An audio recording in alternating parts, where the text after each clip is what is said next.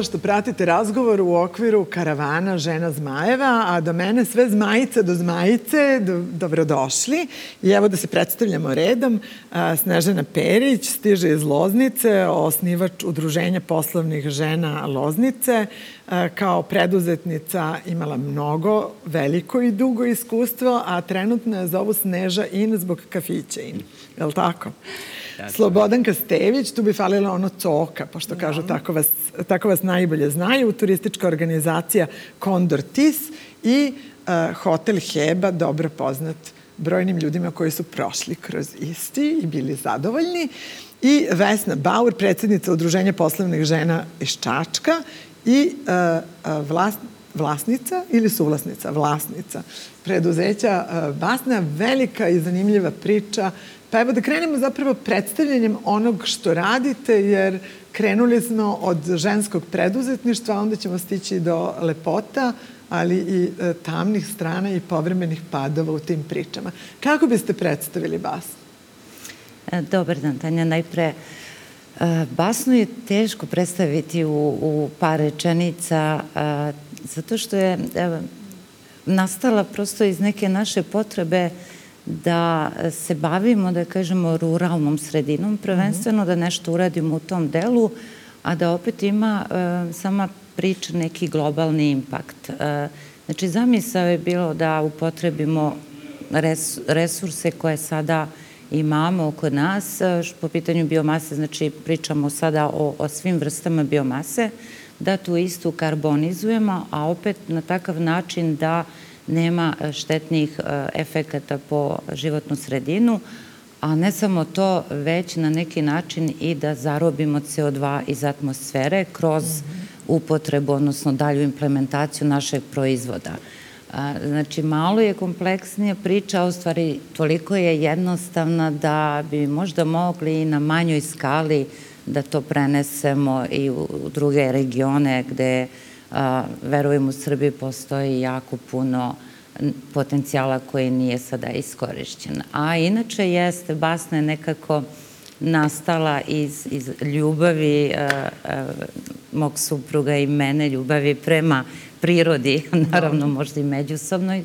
Moram pomenuti da moj suprug, inače švajcarski mhm. državljanin, koji evo živi i radi već 12 godina u Srbiji i koji nema nameru da ide iz naših krajeva.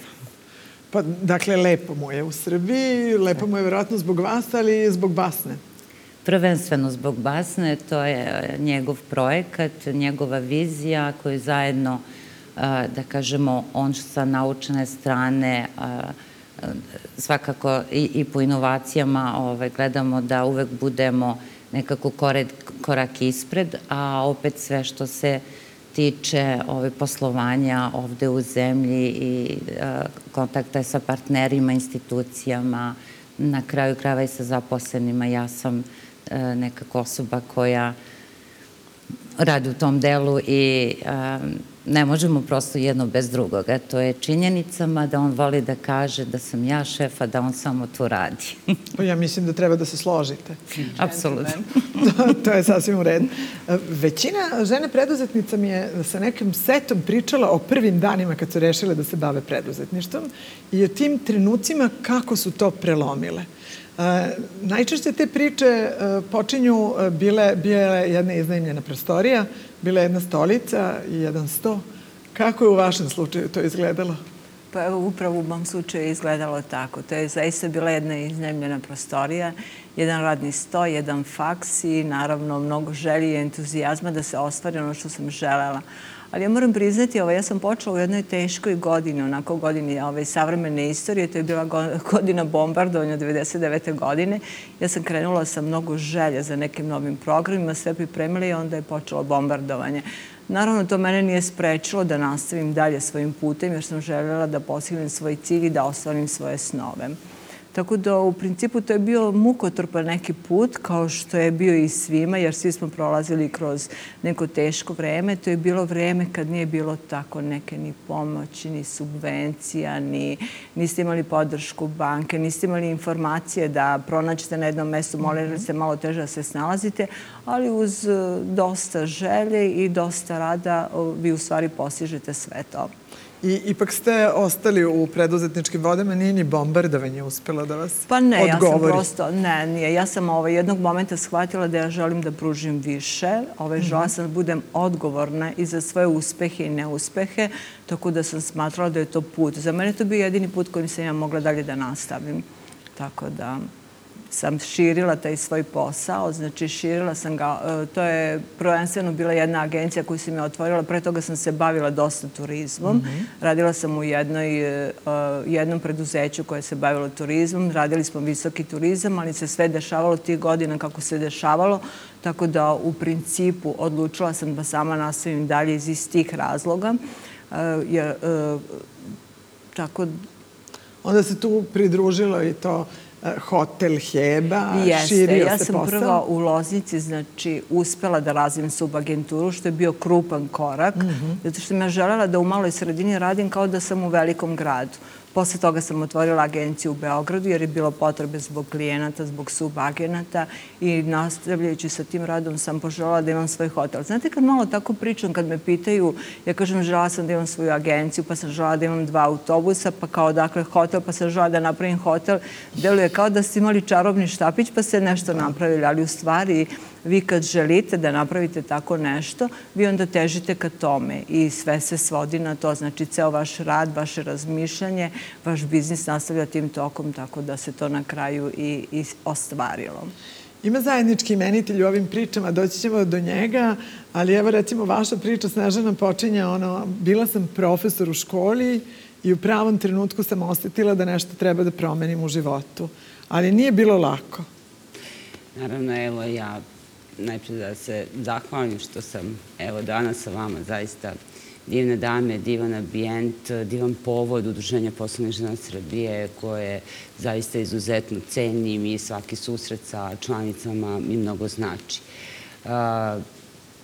Kada kažem da je to bilo pre tačno 30 godina, pitam se da li je to zaista 30 godina, ali ja jesam po edukaciji diplomirani tekstilni inženjer i radila sam u školi i u to vreme e, naprosto je to zanimanje bilo in, jer mi smo imali viskozu sa tekstilnu fabriku sa 12.000 zaposlenih i uh, mislili smo da se to nikad neće promeniti. Naravno, promene su mhm. usledile i 1991. godine sam ja najpre, naravno iz ekonomskih razloga, odlučila da krenem u privatan biznis i naravno nešto što je bilo najsrodnije tome je bio upravo Butikin. Uh, isto se zvao In i od taj nadimak nekako i Butikin i Kafein zato mene danas u Loznici zovu Sneža In. A, butik je radio 25 godina, evo i kafić radi već skoro 20 godina, tako da... Ali ovako kad ispričate, to sve zvuči stvarno kao da vam je neko razvuko crveni tepih i vi ste glamurozno ušetali u svet ženskog preduzetništva, ali nije bilo baš tako. Pa nije bilo tako, zaista sa uh, dvoje male dece i sa mhm. svim obavezama koje naravno imam i kao majka i kao supruga, uh, bila je teška organizacija vremena. To je negde nekako tog vremena nikad nije bilo dovoljno, ali je bilo želje, bilo je entuzijazma, bilo je kreativnosti i zaista uz veliku podršku tada, ja kažem porodice pre svega, jer žena mora, žena sve što radi oboje emocijama i mora da ima neku svoju emotivnu sigurnost i stabilnost da bi bila uspešna u poslovanju, ali svakako neko ko mi je davao i moralnu i finansku podršku su bile moje prijateljice, moji prijatelji, više prijateljica nego prijatelja, ali zaista okruženje je tada imalo, ja mislim, i presudnu ulogu.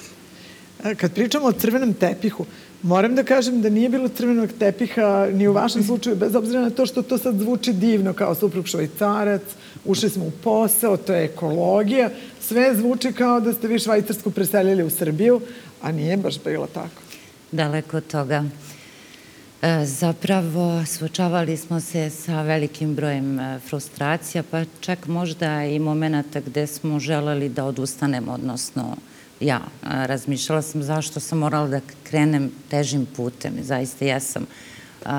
Ovde prvenstveno postoje velika jezička barijera po pitanju mog supruga. Znači, on ne mogu reći da mi je velika pomoć. Zapravo radim dupli posao. Moram da idem... I prevodila to slobodno vreme. Dobro. U slobodno vreme, tako je.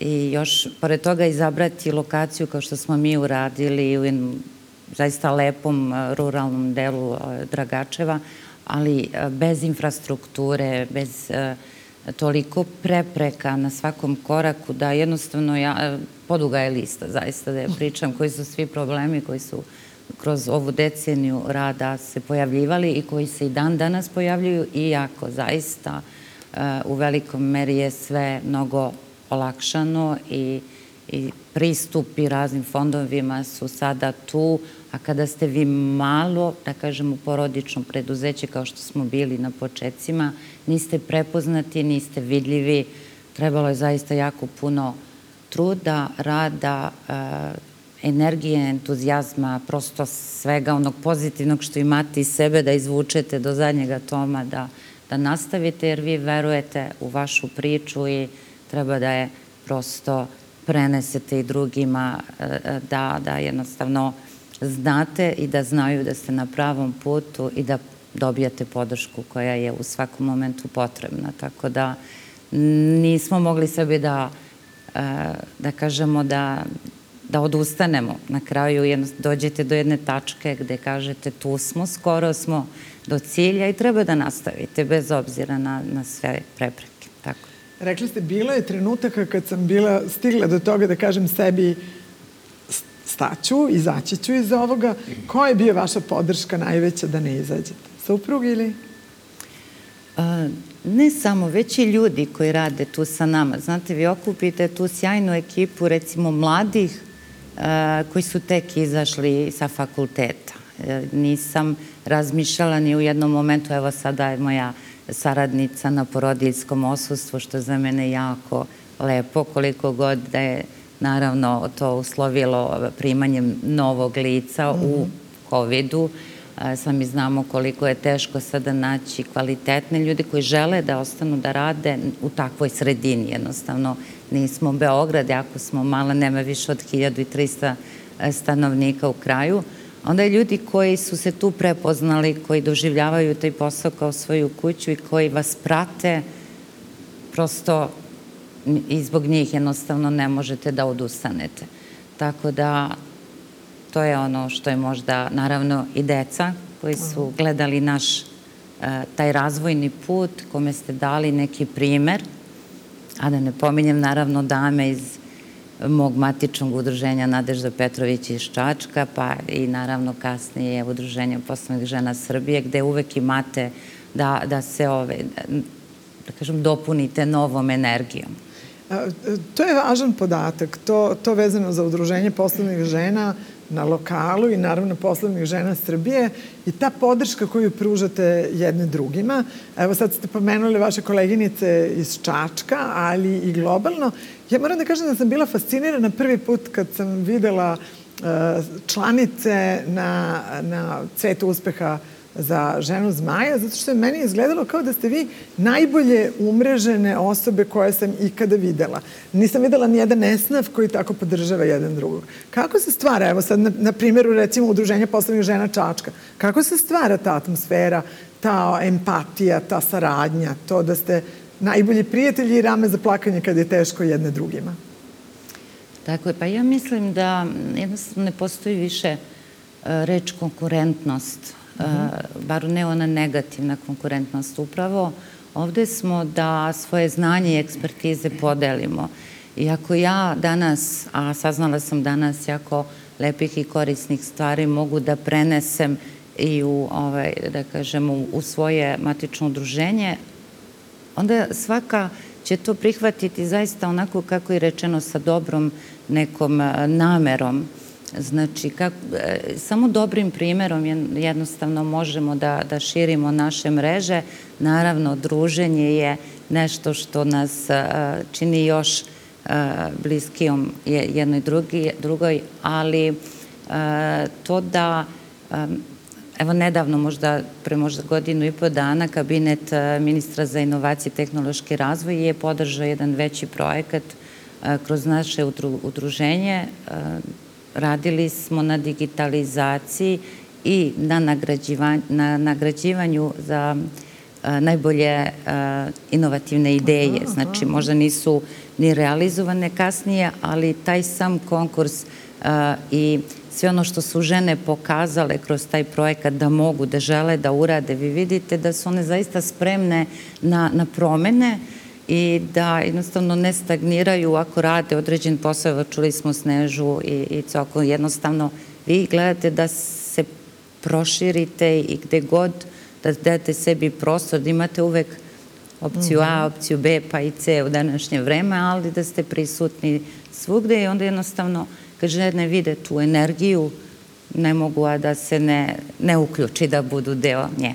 Da, i znate šta je tu još? Tu je ovaj što svaka žena, sve mi znamo da je svaka od nas prošla neki sličan put uh mhm. -huh. i tu nema znači razloga za razmišljanje da li je neko ovaj, bolje ili lošije i možemo da podelimo ta iskustva i znamo da u stvari sve prolazimo kroz isto, da nismo jedine usamljene i da možemo samo razmeniti iskustva i dajemo podršku jedna drugoj. Tako da je to Znači, pored tog druženja i za biznis onako jako bitno. Imate podršku u stvari tih žena. Ja stojim iza toga da je to sve tačno jer sam vas zapamtila baš ovu ekipu sa jednog od, jedne od dodela a, nagrada Cvet uspeha za ženu zmaja. Koliko ste se radovale a, nagradi one drugi? Pa da, mi se radujemo uspesima jedne drugim i radujemo se svojim jer znamo da možemo to da podelimo na pravi način. Kao što možemo da podelimo problem na pravi način, tako možemo da podelimo i uspeh. To Razumemo se prosto jer imamo isti put.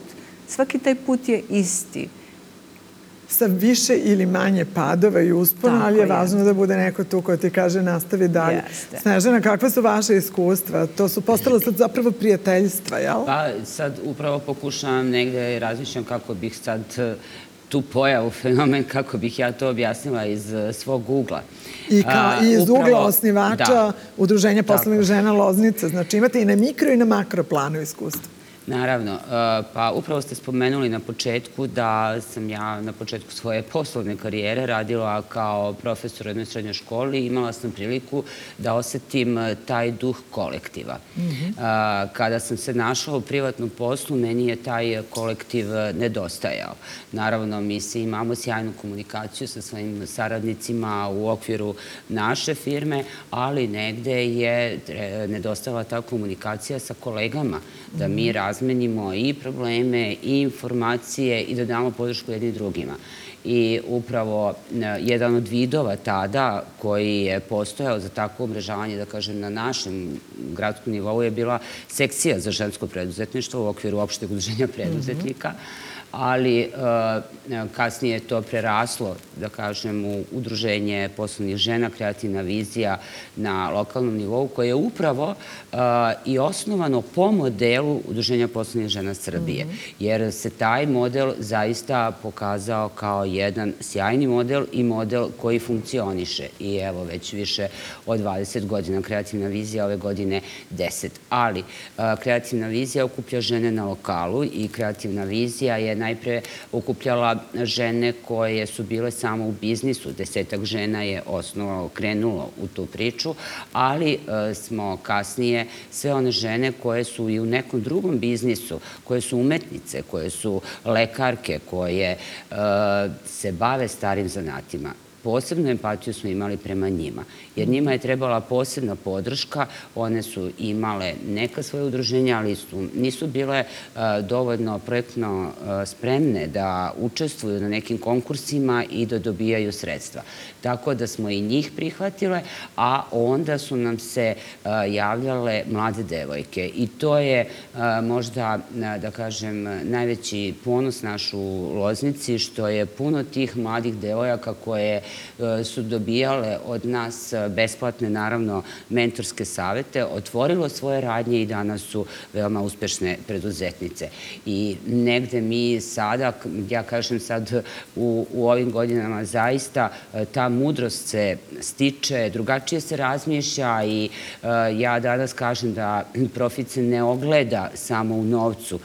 Postoje neke druge dobiti koje mi dobijamo i sa poslovanjem i sa ovim našim druženjem, ali akcent zaista uvek stavljam na mlade kako njima pomoći, kako ih podstaći. Njima je jako teško i meni je bilo tad jako teško, ali svako vreme ima svoje breme. Nama se čini da je sad njima lakše, pa da, imaju postice države, pa da, imaju kredite, pa da, sve što ne znaju ukucaju na Google pa pitaju. Nije tako. I oni imaju svoju izuzetno tešku problematiku e, kako bi se odlučili i njima su neki drugi izazovi, e, tako da mi smo tu da neka iskustva podelimo, ali ipak one moraju to sve da kreiraju u današnjim uslovima i potpuno same da odluče u kom će pravcu krenuti. E sad, u tim odlučivanjima, rešavanju da uzmemo život u svoje ruke, da krenu nešto samo, morate biti potpuno iskreni pa im reći nije baš sve bilo jednostavno. A i sem toga što je bilo i trnovito, od nas i kad je dobro, očekuje nešto inovativno, nešto novo, nešto što će nas vući napred. Šta su inovacije a, za koje se Basna sprema? Šta je to novo što, što uvek pronađete kao motiv da se ide napred? Novi korak? Uh, sve je novo. svaki, svaki novi dan u stvari nama donosi možda novu inovaciju, odnosno novu ideju koju ćemo mhm. verovatno pretočiti u inovaciju. Ali a, počinjemo od toga da je a, sam proizvod kod nas a, inovativan.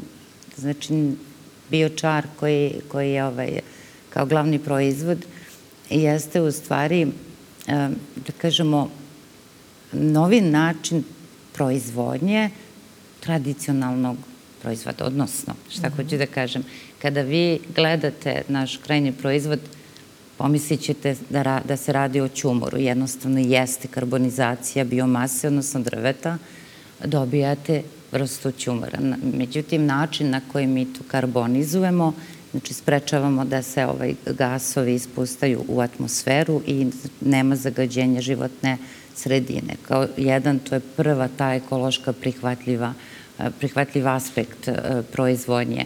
S druge strane, e, uvesti sve standarde i, i sertifikate koje mi imamo u jednoj takvoj vrsti proizvodnje je apsolutno novina. Takođe, način na koji što se tiče radnog vremena, recimo, ovaj, što smo uveli kao opet neku inovaciju kod nas, jeste fleksibilnost radnog vremena. Znači, apsolutno ne držim se onog starog po 8 sati, gledamo možda nekad i da bude kraća radna nedelja sa većim učinkom definitivno, naravno sve to zavisi od, i od potreba u momentu, ali spremni smo da odgovorimo na svaku, na svaku potrebu.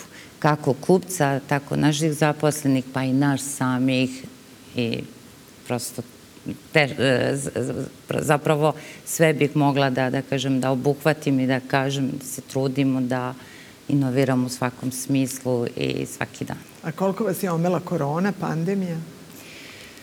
Nažalost, u zadnjem mesecu jako do, puno.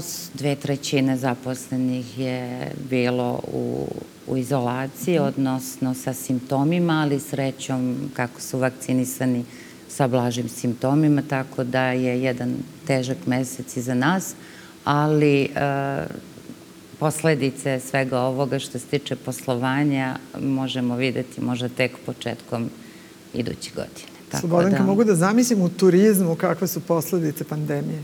Pa da, turizam ima velike posledice. Mi smo pokušavali tu da uradimo nešto. Što se tiče agencije, tu smo uspevali u pojedinim ovaj, E, momentima, to je bilo uglavnom leto, ovako sve drugo što pokušavamo i kad nam prođe neki program, onda se desi da se poveća broj zaraženih, tako da e, znači, on propada. Mi smo napravili, mi smo razmišljali kad je hotel u pitanju, tu smo pokušavali da radimo i ti meseci koji su bili uh, onako pod nekom zabranom, tu smo uspevali da radimo, uh, imali smo jedan projekat koji je bio rad iz hotela. Tako da je to bio sa smanjenim uh, brojem, znači ovaj, korisnika i bio je sa pojačanim merama. Onda smo recimo, ono što smo uradili, uradili smo u januaru ski stazu, našu imamo privatnu ski stazu koja je tu u okviru hotela, jer nam je ona značila mnogo, mogli smo da imamo veći broj gosti, jer je to bilo napolju, sve se dešavalo napolju, tako da smo u principu pokušavali da se snađemo. Nekako se snalazimo, ali to jako teško ide. Turizam je jako osetljiv. Mi smo mm. navikli, ja sam čak jednog momenta, mi smo navikli na sve te krize od ekonomske, od vremenske. Ja sam mislila jednog momenta, ovaj, možda baš pre korone, da smo već postali stabilni skroz, jer se generalno izgubila, uh, više nije postojala sezona, samo leti ili zimi, nego smo imali sezonu celu godinu, zato što su ljudi promenili svest, način putovanja, bukiralo se ranije, Tako da smo mi imali jednu onako stalnu sliku, kao stalne sezone, svih 365 mm -hmm. dana, a onda se, i mislila sam da smo onako baš već postali sigurni da više nemam takvu muku kao što sam imala, samo sam gledala kako da se razvijemo, a onda se desila korona, što znači u stvari ništa ne treba da vas iznenadi. I bez obzira ja sam navikla da svaki put e, znači srećem neke prepreke i da ih nekako prevazilazim, ali ovaj, ovo je i dalje tako velika prepreka da u principu Evo, ja sad razmišljam da ćemo i to verovatno prevazići. Nadam se u stvari da će tu biti kraj neki. Da. Negde se mora pojaviti kraj. I naravno ja imam i dalje planova nekih razvojnih, tako da u principu... Šta su planovi? Pa recimo planovi su da proširimo, to je sve vezano za hotelijerstvo. Što se tiče agencije, to je nešto stabilno. Putovanje sve zavisi od, e, recimo, da to putovanje su uvek bila u zavisnosti od e, ovaj, e, tog slobodnog, od tih mera u koju zemlju kako možete putovati. Ako pričamo u vreme korone, pre korone to je već bilo stabilno, mogli da. ste svuda da putujete, to je bilo vrlo jednostavno. Znači, sada već je problem, ali nadam se da će se to nastaviti onako kako treba kad stane korona. Što se tiče hotela, tu planiramo da širimo, recimo i na sadržaju i na mhm. kapacitetu i imamo nekih ideja. Mi smo čak započeli jedan možda nov moment, započeli smo i neku gradnju, jer morate shvatite jednog momenta kada vam je sve upućeno na turizam, to nam je korona pokazala kada ste skroz u jednom istom ovaj segmentu, znači kad ste vezani za sve to, onda zaista možete imati problem. Tako da smo mi počeli možda, i, nije možda, nego počeli smo i gradnju nekih apartmana na Divčibarama, tako da očekujem da će to biti Uvek ima bolje. ideje. Uvek, da, morate imati uvek ideju. Pa morate uvek pratiti i tržište i morate uvek imati ideju. Znaš, ugostiteljstvo je zaista stradalo od korone. Kako ste se, jeste bili zatvoreni? Kako je to izgledalo? Kako ste uopšte poslovali? Pa prošle godine, pa i ovaj jedan dobar vremenski period smo bili zatvoreni. A, ono što bih ja videla kao pozitivnu promenu svakako a, jeste bliža saradnja a, nas saradnika u jednom kolektivu. Aha. Imali smo vremena više da razgovaramo, da se posvetimo jedni drugima i negde stalno razmišljam, svi razmišljamo o tom finansijskom gubitku, ali da svi ostanemo negde spremni za ovaj post-korona period, da sačuvamo zdravlje, da sačuvamo našu psihu, jako je to teško sad još uvek, ali se mi trudimo da kolektivno to prevaziđemo i da budemo potpuno spremni za taj post-covid period. E sada ono što je, da kažem, za mene već poznato, to je da sam pet godina i direktor turističke organizacije grada Loznice i mhm. neko ko je iz privatnog sektora uplivao u javni i pliva istovremeno sada i u javnom i privatnom sektoru. Ja moram da kažem da u javnom sektoru takođe ima izuzetno uspešnih žena, i mi smo negde i u našem udruženju, a vidim i udruženje poslovnih žena Srbije, koje je takođe naše, da isto angažuje u svoje članstvo i žene koje su uspešne i u javnom sektoru, ne mhm. samo privatnom. I negde čini mi se da se u poslednje vreme malo bolje čujemo i da to daje rezultate jer negde je uvek bio veliki jaz između privatnog i javnog sektora, ali razgovorom, komunikacijom nikom nije lako. Svako ima svoje poteškoće u poslovanju i u javnom i u privatnom, tako da čini mi se da je ipak i naša i naš grad, a i država imala dosta sluha za ugostitelje i da ćemo zajedno to nekako do kraja ipak uspešno prevazići. Iza svih vaših priča kriju se i privatni životi. Sve ono što je, da kažem, slatka muka koju žene imaju, a to je ne završava se samo na poslu i posle toga nastavlja nešto što je, što je briga o porodici, nešto što je kuća, nešto što je sve ono što već kažu muškarci, opšte mesto kad su žene u pitanju uvek kukaju da je njima teže i da imaju više posla. Kako ste pravile balans u životu sa onim što je, što je privatno i ono što je posao? Iskreno, meni je najteže da odgovorim. Ja mislim, ove, pošto se bližim 50-godišnjici, odnosno mojoj, mojih 50 godina, Dobre. ja sam ipak davno se ostvarila kao majka. Moji sinovi su od 30 i 26 godina. Tako je li neko da, ušao u porodični biznis? Jeste, jeste, stariji je sa nama, tako da taj moment da poslovnog nasledstva prosto mm -hmm. mi mhm. puno znači. A, u tom smislu rasterećenija sam, jel? A, ali nije bilo tako od uvek. Nije, to, tako naravno. je, nije bilo tako od uvek, ali prosto a, vi morate kreirati svoj dan na takav način da, da radite sve što morate, a opet u onoj meri a, ukoliko vam više prija nešto drugo, pa da, da posvetite tu malo više pažnje tome. U kom, šta želim s tim da kažem? Mislim, naravno da su deca prioritet mladim majkama, pa u smislu ako su, ako su mali, jednostavno morate biti sa njima i uz njih. Znači, poslovi moraju čekati negde ili naći dobar tim koji će vas podržati i raditi ono što biste vi trebali, a ne možete. Tako da, ja ja ne znam zaista kako žongliram, moram priznati da to, ne to, mogu da odgovorim. Ne, Tako da, je to. I tu ima uvek ono pitanje koje žene sebi postave na kraju, a gde sam tu ja? No, da, a gde ste tu vi? Imali vremena za vas, za ono što vi volite?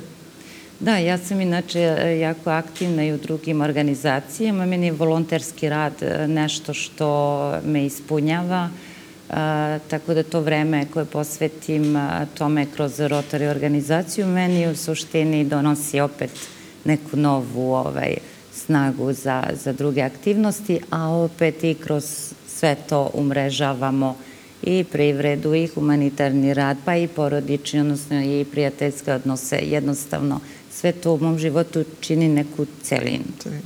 Slobodanka, vi isto možete da odahnete vama. Je Stin ušao u posao sa vama? Da, on je ušao u posao i to mi je jako mnogo znači. On je moja velika podrška ali moram priznati dok nije ušao u posao i dok su bili mali, ovaj, to je bilo jako naporno, jako je bilo teško. Mm -hmm. Ja za razliku od Vese moram da kažem, ja sam sebi bila, znači nisam imala vremena za sebe, jer vi da bi stigli sve to da uradite taj posao koji treba da se posvetite deci, uopšte porodici, znači kući, jer vi to morate bez obzira koliko ste poslovna žena, vi ste i majka i domaćica. Znači bez obzira što neko prihvati taj možda neki deo da podeli sa vama, to nikad nije dovoljno u stvari. Tako da sam ja bila podređena poslu i deci. Deca dok su bila manja, ja sam se trudila da ih vodim sa sobom, tako da prosto uvijek sam se trudila da vreme koje imam provedem sa njima i da to bude konstruktivno.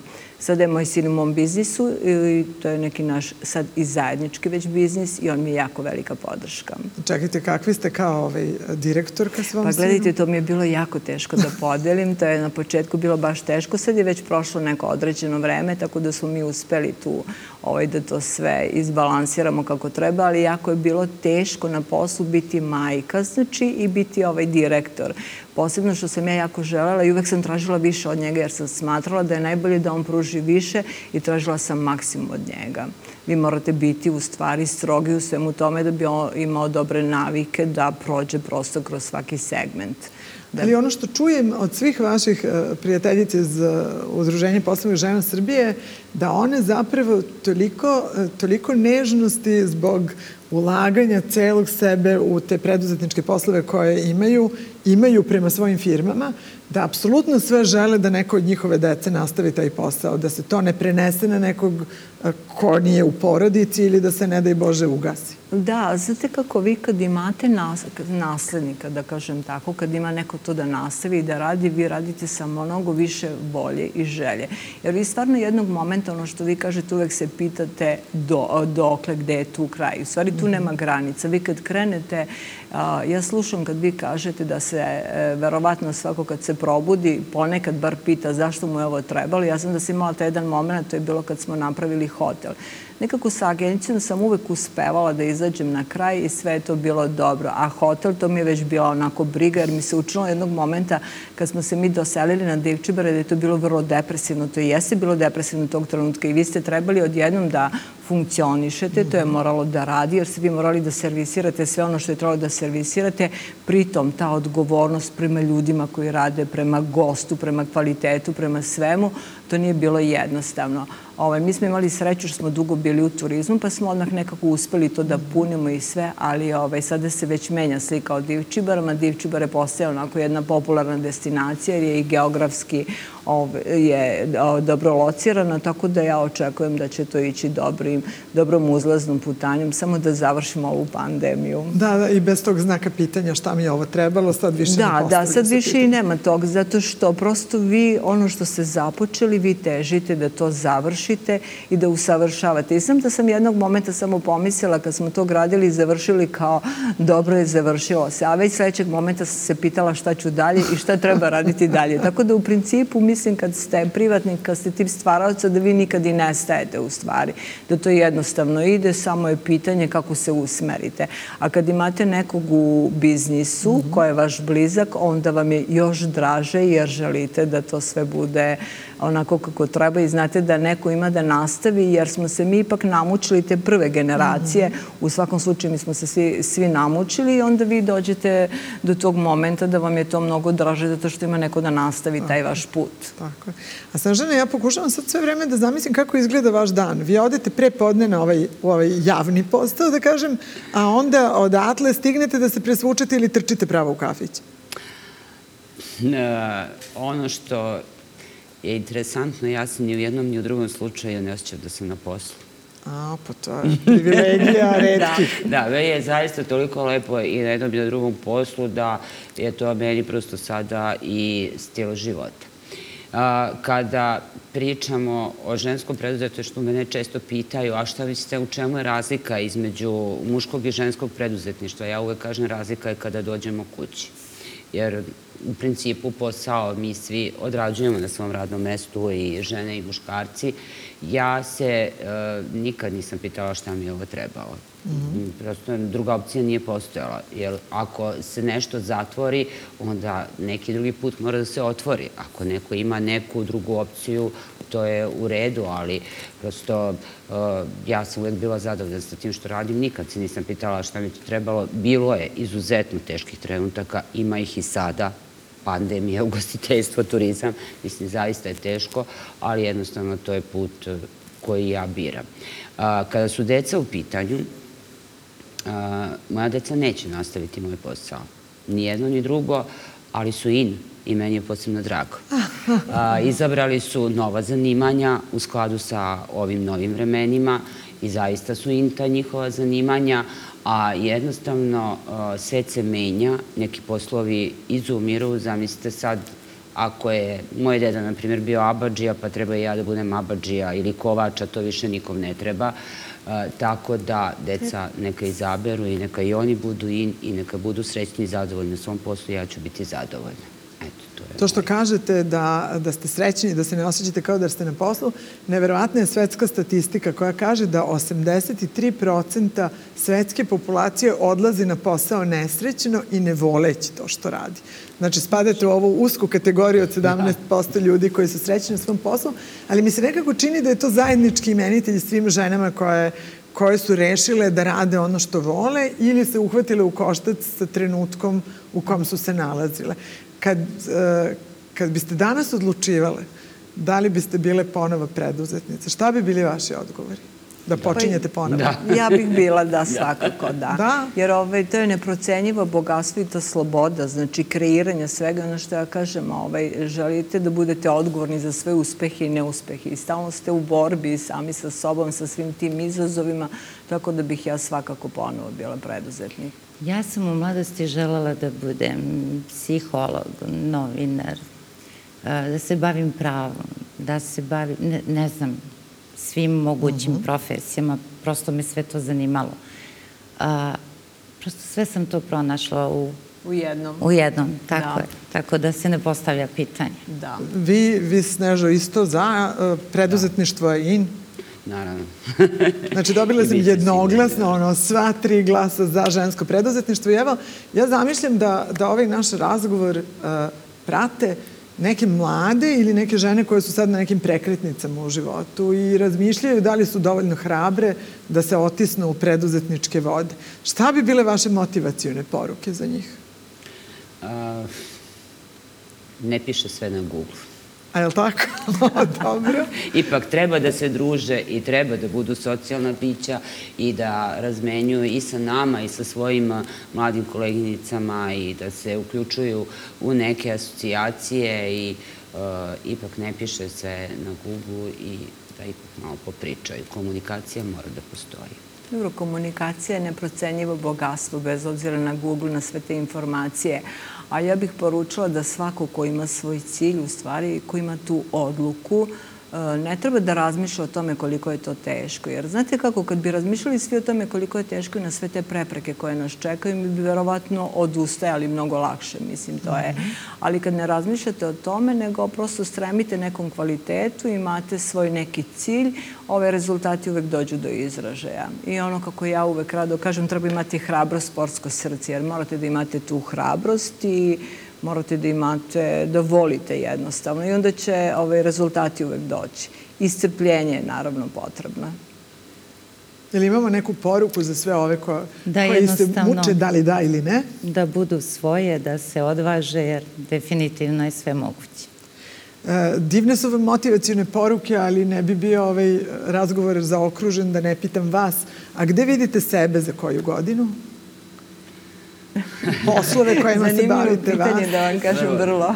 Pa ove projekcije unazad smo prošli to, da krenem da. iz početka, ali šta je ono čemu stremite? A, ne smemo da stanemo. Uh mhm. -huh. A, moramo se i dalje edukovati i biti i kreativne i inovativne i a, naprosto i svoj život i posao uskladiti sa nekim novim tehnologijama i nekim novim pojavama u društvu. E, jer ovo vreme gazi ako stanemo godinu dana i mislimo da je to što mi radimo najbolje i mi sve znamo i ja radim već 30 godina, neće meni sad pričati neko tu ko je tek počeo kako to treba da se radi, onda to nije dobro. Znači, radimo i dalje, družimo se, učimo, napredujemo, to je sve jako važno.